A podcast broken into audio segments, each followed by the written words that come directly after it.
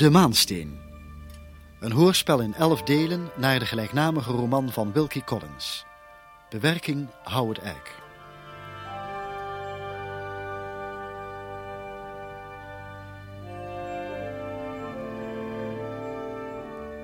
Elfde, tevens laatste deel. Het Rad van Fortuin.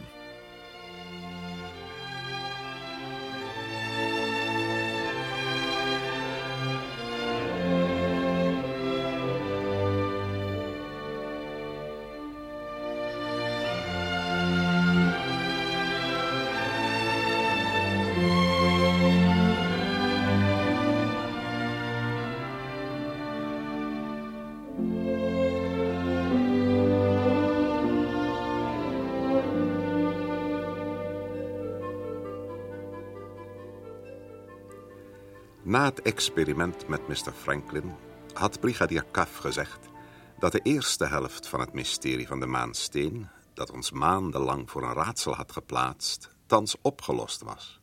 Maar de tweede helft nog niet. Weinig vermoedde ik toen dat de gebeurtenissen elkaar in de volgende 24 uur zo snel zouden opvolgen.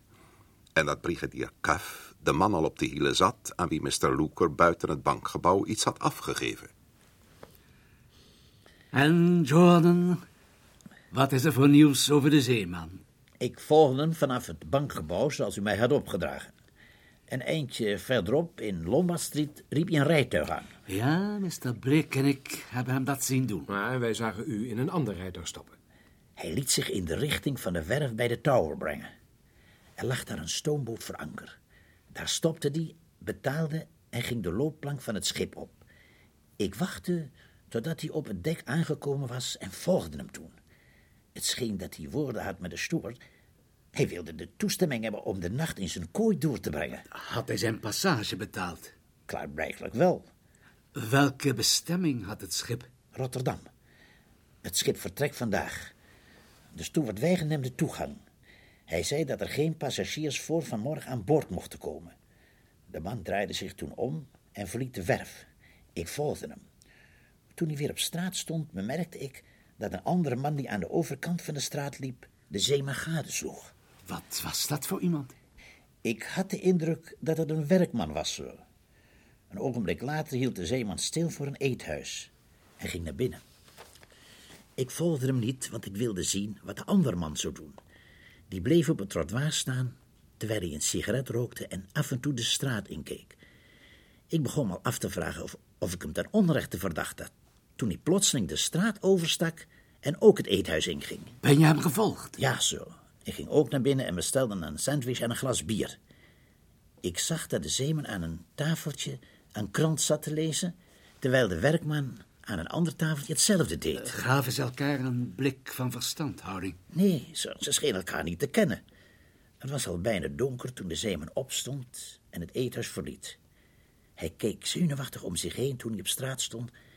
En een ogenblik was ik al bang dat hij mij verdacht vond. Maar hij liep door. En toen zag ik dat de werkman hem aan de overkant van de straat volgde. Ze liepen door tot aan de shoreline die uitkomt op de Lower Thames Street. Ja, ik ken die omgeving. Er is daar een hotelletje dat het Rad van Fortuin heet. En het staat bekend om zijn biefstuk en carbonade. Precies zo. nou, de zeeman bleef staan en ging naar binnen. Ik hoorde dat hij aan de waard vroeg of hij een kamer voor hem had. De waard zei dat hij vol was. Maar de baarmeijer zei dat nummer 10 nog leeg was. Waar was de werkman al die tijd? Ik merkte hem op bij de mensen aan de bar. Maar toen ik me weer omdraaide, nadat ik gezien had dat de zeeman naar boven was gegaan, was de andere man verdwenen. Ik wist niet precies wat te doen, maar ik besloot nog even te wachten om te zien wat er zou gaan gebeuren. Ik ben blij dat ik dat gedaan heb. In een oogwenk stond de hele zaak op stelte, want de waard was naar beneden gekomen terwijl hij de werkman bij zijn kraag hield en dreigde hem aan de politie over te leveren. Waarom? Het schijnt dat hij met geweld kamer nummer 10 was binnengedrongen. Hij beweerde dat hij die kamer gehuurd had. Hij zwaaide en het, het leek wel of hij dronken was. Ik begreep er niets van, want hij was zo nuchter als wat toen hij het café binnenging. Hoe zou hij dan in zo'n korte tijd dronken hebben kunnen worden? Dat was voor mij ook een raadsel, sir. Totdat hij weer op straat stond. De waard gooide hem namelijk de deur uit. Ik zag hem de hoek van de straat omgaan en plotseling zwaaide hij niet meer, maar hij liep vlug door. Hij was helemaal niet dronken. Hij had maar gedaan alsof. Ga door. Naar u mij gezegd dat de zeeman niet uit het oog te verliezen, sir, ben ik naar het hotel teruggegaan. Ik zag een licht branden achter een raam op de bovenste verdieping. Het was de enige kamer waar licht brandde. Ik veronderstelde dat het het raam van kamer nummer 10 was. Na nog ongeveer een uur in de straat rondgehangen te hebben, ging het licht uit. De zeeman moet naar bed zijn gegaan, want hij kwam niet meer tevoorschijn. En staat Stevens daar nu op wacht? Ja, sir. Hij kwam me tegen het aanbreken van de ochtend aflossen.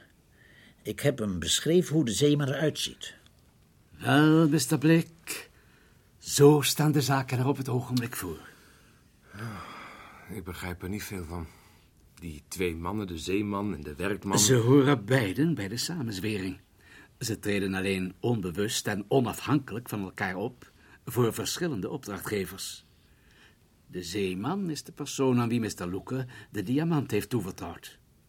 Bedoelt u dat hij de man is die de diamant in de tijd heeft beleend? Dat zeg ik niet. Ik geloof eerder dat hij in dienst is van degene eh, die de diamant toen heeft beleend. De werkelijke eigenaar zal het wel niet gewacht hebben in het openbaar te verschijnen. Ja, ik zou zo zeggen dat de werkman zonder twijfel in dienst staat van de Indiërs. Die op dit beslissende ogenblik ook achter de schermen wensen te blijven.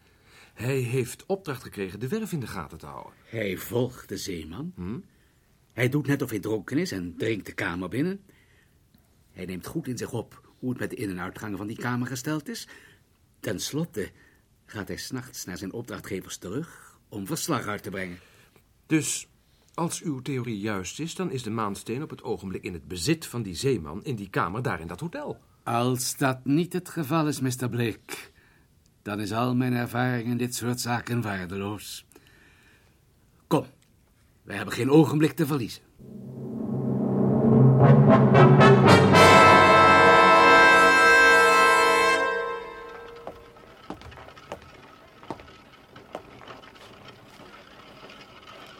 En Stevens, is er iets te melden? Je bent hier vanaf vanmorgen vroeg op post, zoals Jordan me vertelde. Inderdaad, sir. Heb je iets gezien? Niet, sir. Er zijn een paar klanten naar binnen gegaan, maar dat is alles. Ik heb nog geen teken van de zeeman gezien. Hij is er nog niet uitgekomen. Ben je daar zeker van? Heel zeker, sir. Goed. Laten we dan naar binnen gaan.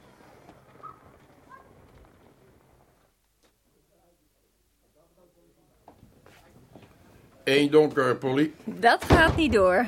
Wat bedoel je? Nou, we zitten zonder bier. Allemachtig. Wat is dat voor een kroeg? Hier is iemand die zich kapot werkt om eerlijk zijn geld te verdienen. En als hij dan hier binnenkomt om zijn dorst te lessen met een glas bier, dan krijgt hij te horen... We zitten zonder. Ja, dat is nou eenmaal zo. Het is een schande. Een vervloekte schande. Zeg, wil u misschien een beetje op uw woorden passen? We hebben al genoeg werk hier vanmorgen. We kunnen het ook zonder vloekende klanten stellen, hoor. En sir, wat wenst u? Mag ik de eigenaar even spreken? Het spijt me, dat kan niet. Hij is bezig. Bezig of niet, dat kan mij niet schelen. Ga hem direct zeggen dat ik hem wil spreken. Wel, wel, hoor dat eens even. Neemt u me niet kwalijk, hoor, maar eh, ik weet heus wel wanneer Mr. Hodkins met mensen wil praten en wanneer niet. En hij wil vanmorgen met niemand praten. Polly, Eh, ja, Mr. Hodkins? kom eens hier. Wat een brutaliteit. Bezig of niet, dat kan me niet schelen. Ga hem direct zeggen. Ga het hem zelf maar zeggen. Nou, Polly, wat is er met jou? Ja, dat mag u wel vragen. Er is de een of andere opgewonden manier in de zaak die schijnt te denken dat hij de baas is.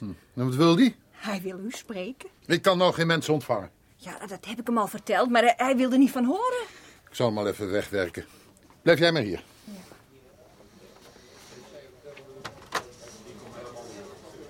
Sir, wie voor de duivel bent u eigenlijk?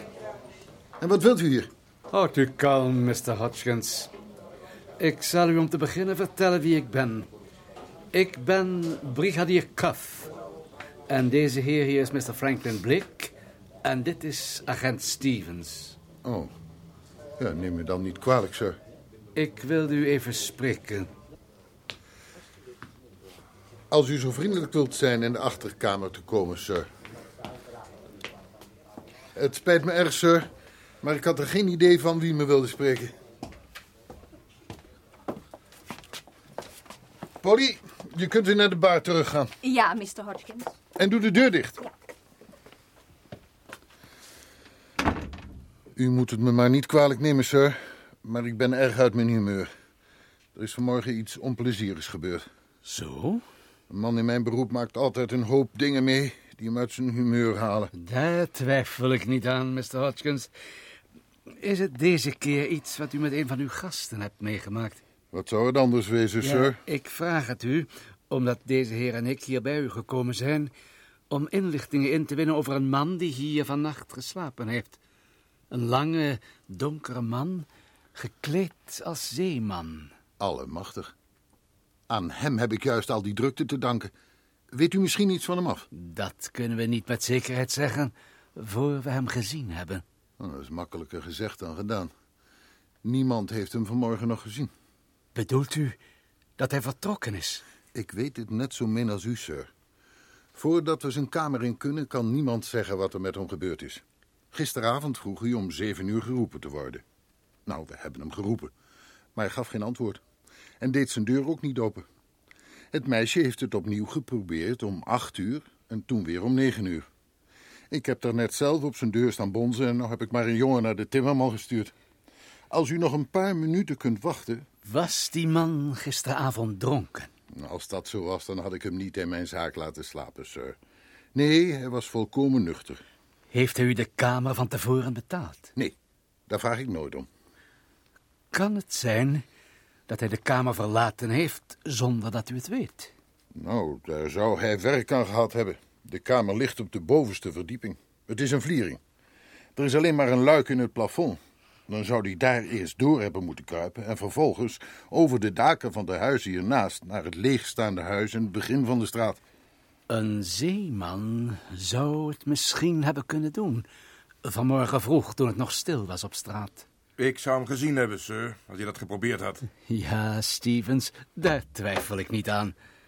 Neemt u me niet kwalijk. En wat is er, Polly? Daar is de timmerman. Hij vraagt wat hij moet doen. Hij moet de deur van kamer 10 openbreken. Als u het goed vindt, dan gaan we met hem mee naar boven. Maar natuurlijk, sir. Eh, Deze kant uit, hier.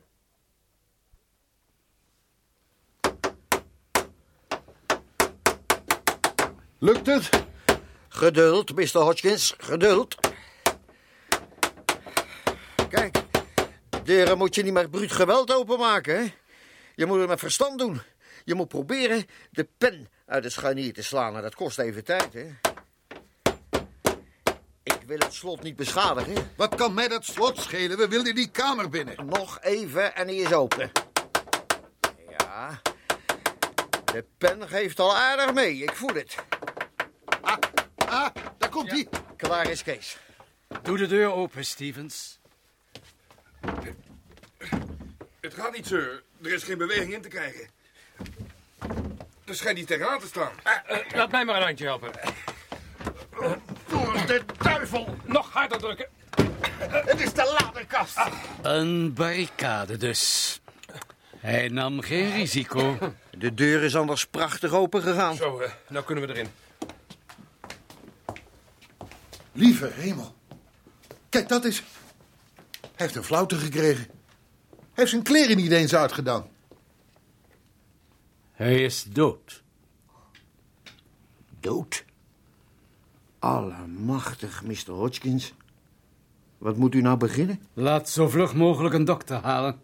En roep de politie. Vlug, Stevens. Ja, sir. Wat heeft dat te betekenen? Moord, sir. Moord. Wat? Moord? Iemand is vannacht de kamer binnengedrongen. Misschien waren het er wel meer dan één. Ziet u dat luik in het plafond openstaan? Ze hebben met een kussen gesmoord. Kom eens hier, Mr. Blik. Bekijk dat gezicht eens. Verschrikkelijk. Valt u iets aan hem op? Wat bedoelt u? De baard en het haar zijn niet echt. Het is een vermomming. Nee, niet doen. Raak hem niet aan. Waarom niet? Mijn hemel. Herkent u dat gezicht? Ja. Ja. Wie is het? Het is... Het is mijn neef Godfrey Applewhite.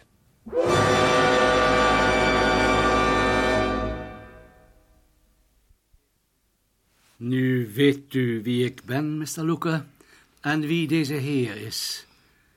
U zou mij zeer verplichten als u mij alles zou willen vertellen wat u van Mr. Godfrey Ablewhite afweet. Wanneer hebt u hem voor het eerst ontmoet? Op een dag in juni, sir. Eh, Weet u ook welke dag het was? Dat is belangrijk. Ja, het was tegen het einde van de maand. Ik heb er een notitie van gemaakt. Ik kan het u precies vertellen. Hier, hier is het, sir. De 23 juni. Dat was twee dagen na de verjaardag van Rachel. En het is de dag na de dag waarop Mr. Ablewhite van Yorkshire naar Londen terugkeerde. Gaat u door, Mr. Luca. Het was in de namiddag toen hij bij me aankwam. Hij liet me de diamant zien. U kunt wel begrijpen dat ik stom verbaasd was toen ik hem zag. Ik had nog nooit van mijn leven zo'n steen gezien. Hij wilde hem mij verkopen en ik bekeek de diamant, woog hem en maakte een schatting. Op hoeveel schat u hem? Er zat een kleine oneffenheid in de steen, maar daarmee rekening houdend kwam ik toch op 30.000 pond.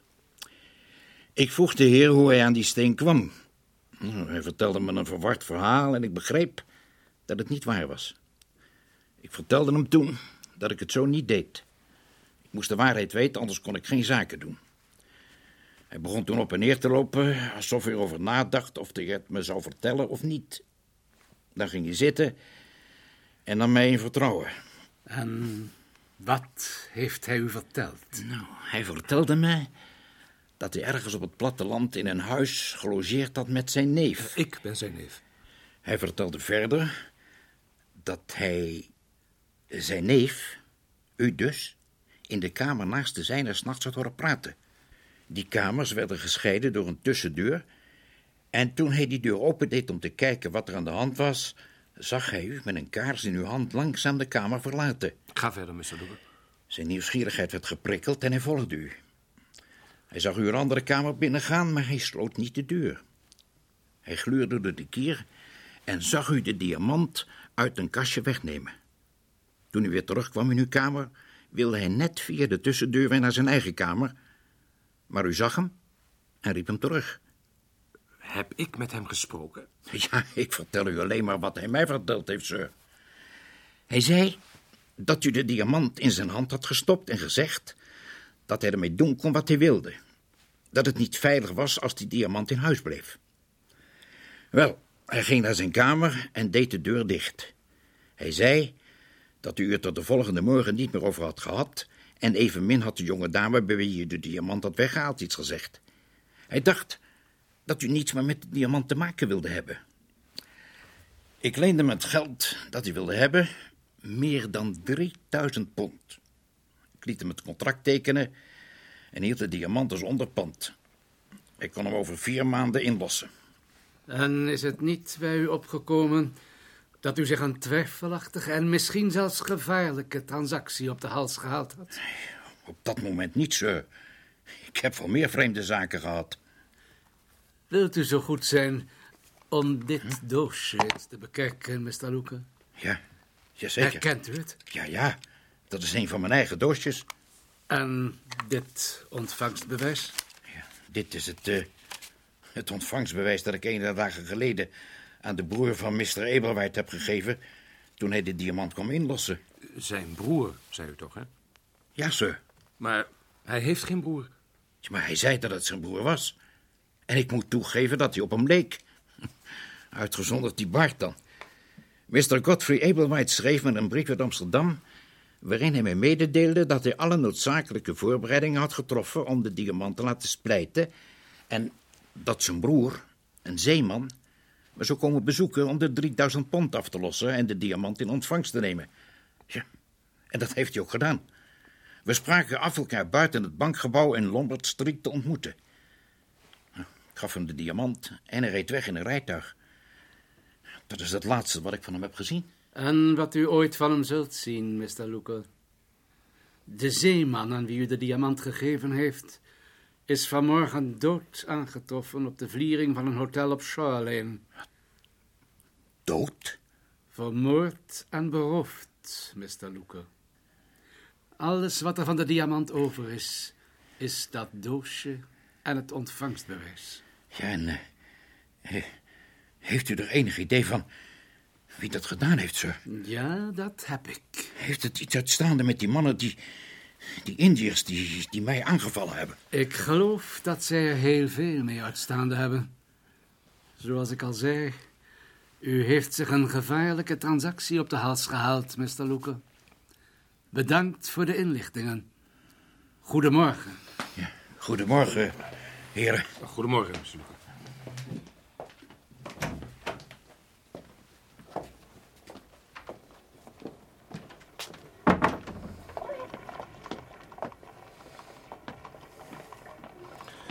Het is onmogelijk te geloven Wat, Mr. Blake? Dat mijn neef Godfrey in zo'n smerig zaakje gemengd was. Ik begrijp het niet, zo was hij helemaal niet. Hoe weet u dat? Hoe kunt u weten wat voor een man hij werkelijk was? U kende hem als een respectabele, goed gehumeurde man die opging in liefdadigheidswerk. Dat was de kant die hij u toonde. Maar hoe was de andere kant? Die hij voor zijn familie en vrienden verborgen hield. Een gokker, een opportunist, een losbol waarschijnlijk. Ik geloof niet dat het zo moeilijk te begrijpen is.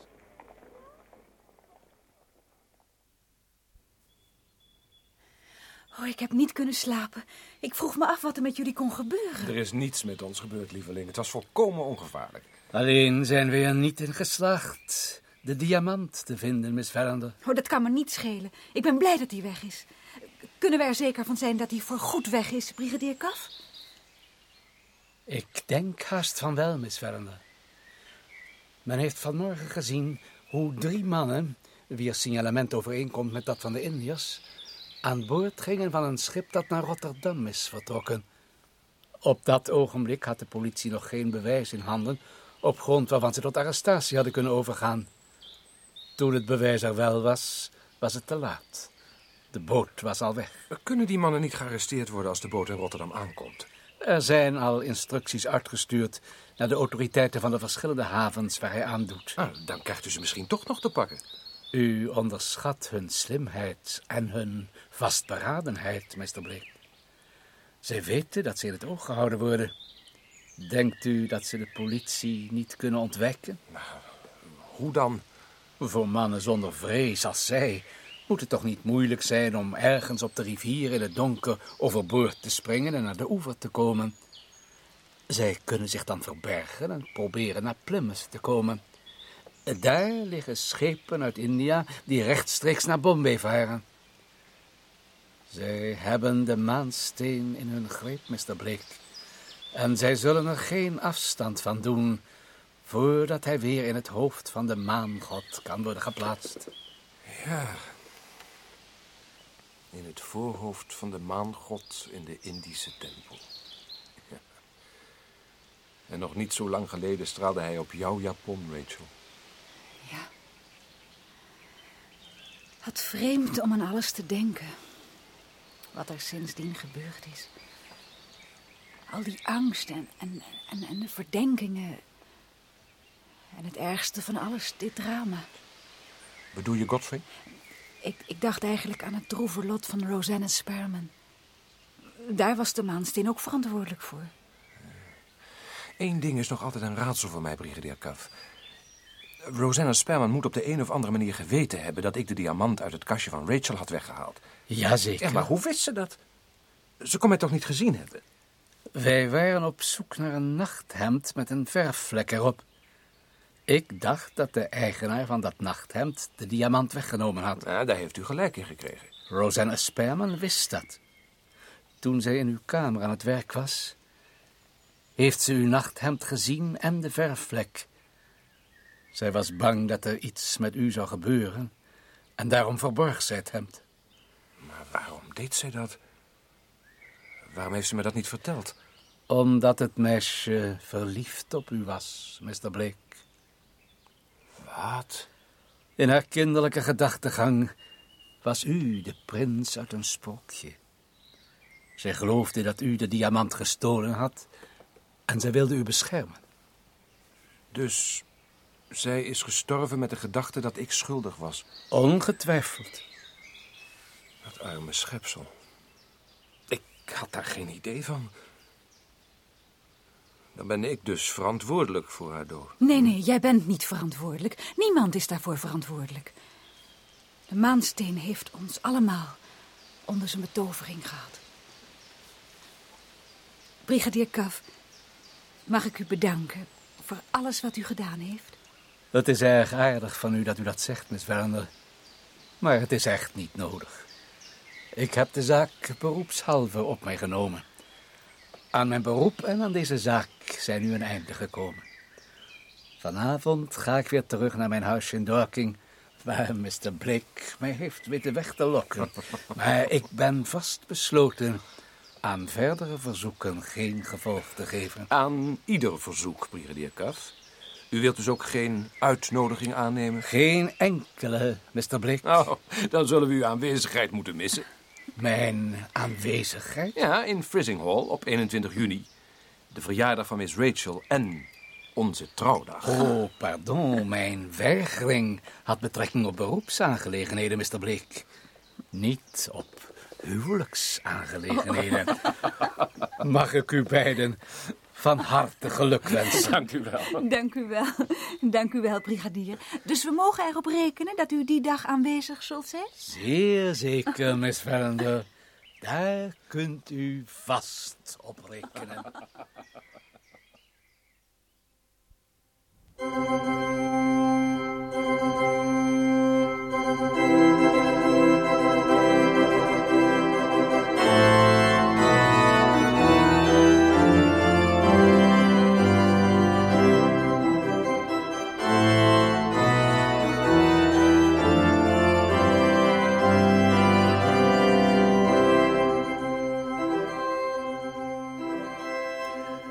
Wat zou mijn lady gelukkig geweest zijn als ze vanmorgen Miss Rachel in haar prachtige bruidsjapon en sluier had kunnen zien trouwen met Mr. Franklin Blake. En wat was het een knap paardje. Zoals ze daar in de zonneschijn naar buiten gingen, terwijl het orgel nog speelde en de gasten hen met confetti bestrooiden. Ik geef toe dat ik later op de dag wel een glaasje te veel gedronken heb op het welslagen van deze gebeurtenis. Maar als u wel eens hetzelfde gedaan heeft, zult u met mij mee kunnen voelen.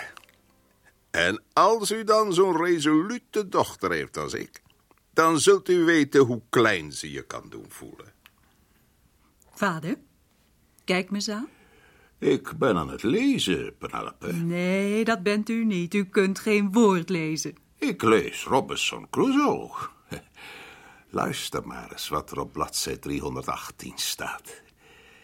Ik overwoog de nieuwe positie waarin ik verkeerde. Ik had een vrouw. Merk dat goed op, Penelope. Mr. Franklin heeft ook een vrouw. Een kind geboren. Merk dat weer goed op. Dat kan ook van toepassing zijn op Mr. Franklins geval. Ik merk maar één ding op. U heeft te veel gedronken. Ach, wat? Ja, wat denkt u dat de mensen zullen zeggen? Nou, ze zullen zeggen dat u een walgelijke oude man bent. Kom hier en geef me een zoen. Geen sprake van. Ga naar bed. Niet voordat ik heb afgesloten. Ja, ja, ja, ja. Dat stemt tot nadenken, hè. Ik weet niet waar u het over heeft. Wat denkt u dan aan? Aan dezezelfde avond. Maar dan een jaar geleden. En de toestand waarin we toen verkeerden. Door die vervloekte diamant. Ja, maar dat is gelukkig allemaal voorbij. Hm? Daar hoeft u nu niet meer aan te denken, vader. Nee, dat is zo. Die geschiedenis is uit. Geef me mijn pijp, meisje. Ik wil nog een trekje nemen voordat ik mijn ronde ga doen.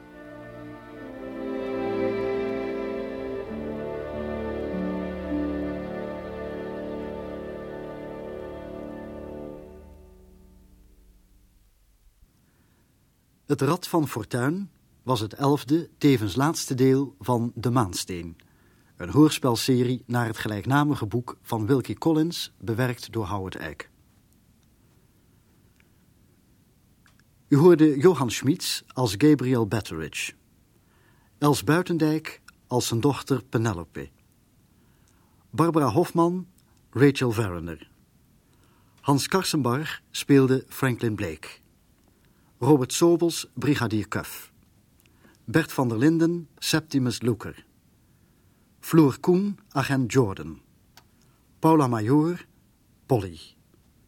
Jan Wechter, Mr. Hodgkins. Frans Kokshoorn, een klant. Joop van der Donk, een timmerman. En Hans Hoekman was agent Stevens.